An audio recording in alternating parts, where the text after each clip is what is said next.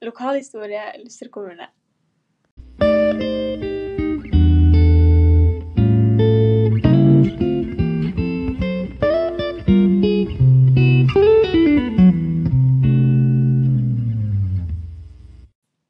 Svartedauden kom til Luster i 1349. Eh, en vet ikke om Luster fikk smitten fra Gudbrandsdalen, Valdres eller Bergen, men det en vet at pesten hadde kommet til Luster seint på høsten i 1349. Det finnes ikke kilder ifra da pesten faktisk herja i Luster, men siste kilder før svartedauden kom, er fra våren 1349. Etter det er ikke det noen kilder før 1358.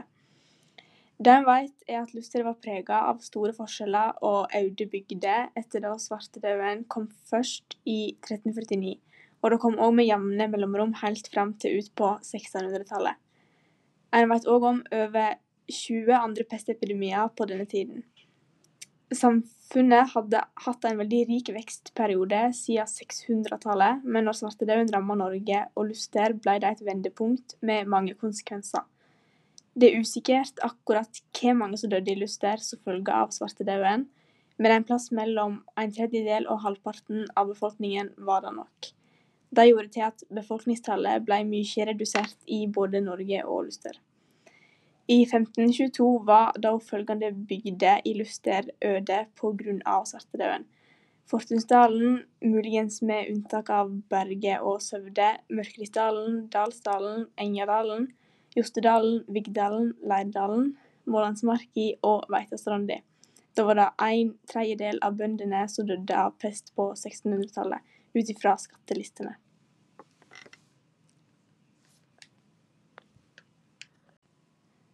Kildene vi har brukt er kvitrud.no.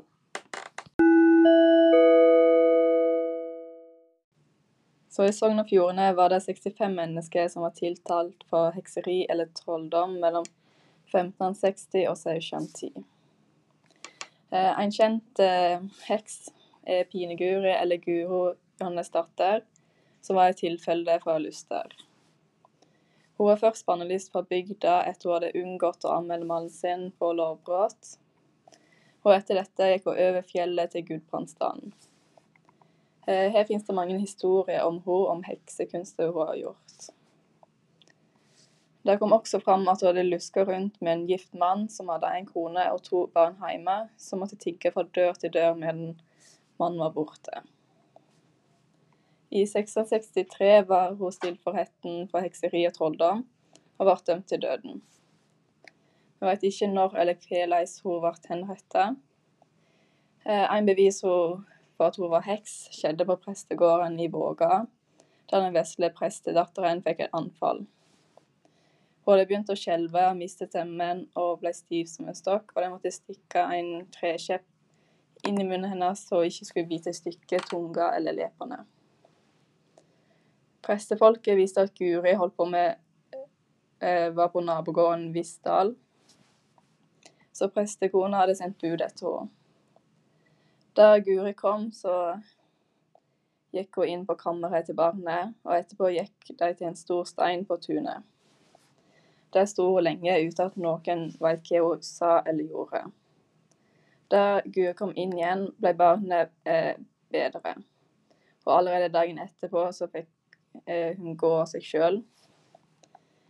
Men denne styggedommen som barnet hadde fått seg, den var spredd til en av hestene til presten.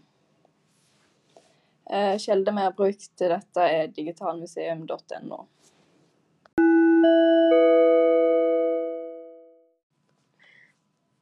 Viktige næringer. Gården og gårdsbruket var selve grunnsteinen i det gamle norske bondesamfunnet.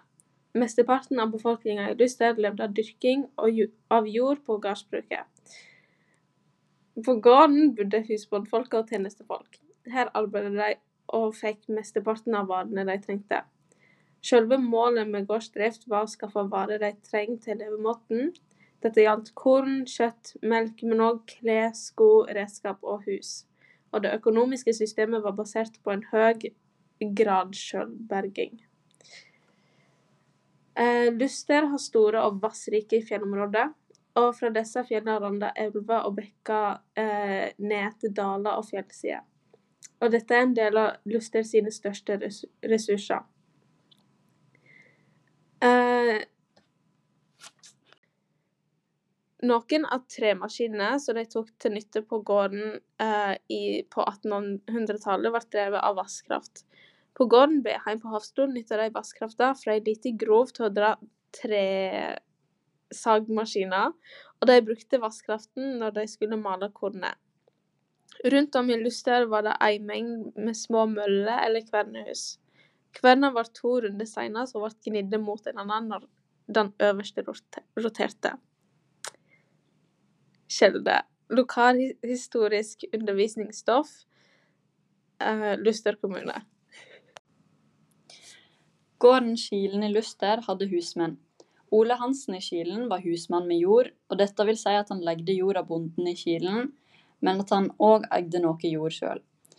I Luster var det en kaller for byggselhusmenn som dominerte. Disse legde ofte et eh, jordstykke av en gårdsdriver som de legde på livstid. For dette måtte de betale ei avgift i året.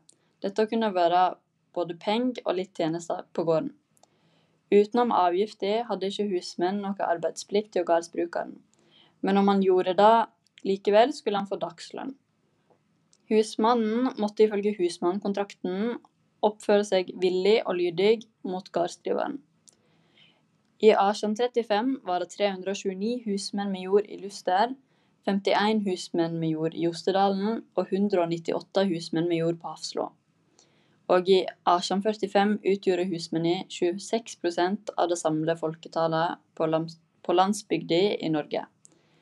I 1891 var det 160 husmenn med jord i Luster, 46 i Osterdalen og 134 på Hafslo. En årsak til at husmannsstellet ble avvikla, var bl.a. at folk så bedre muligheter i f.eks. Amerika, og i tillegg så vokste det fram flere nye næringer i landet.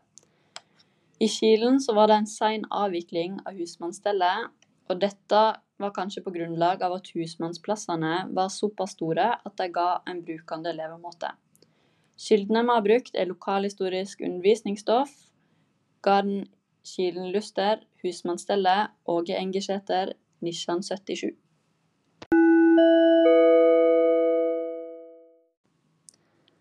Denne podkasten var laga av Line Kristine Karlsen Holne, Marte Fardal Svangstø, Malene Neset og Embla Gjedde Sviggum.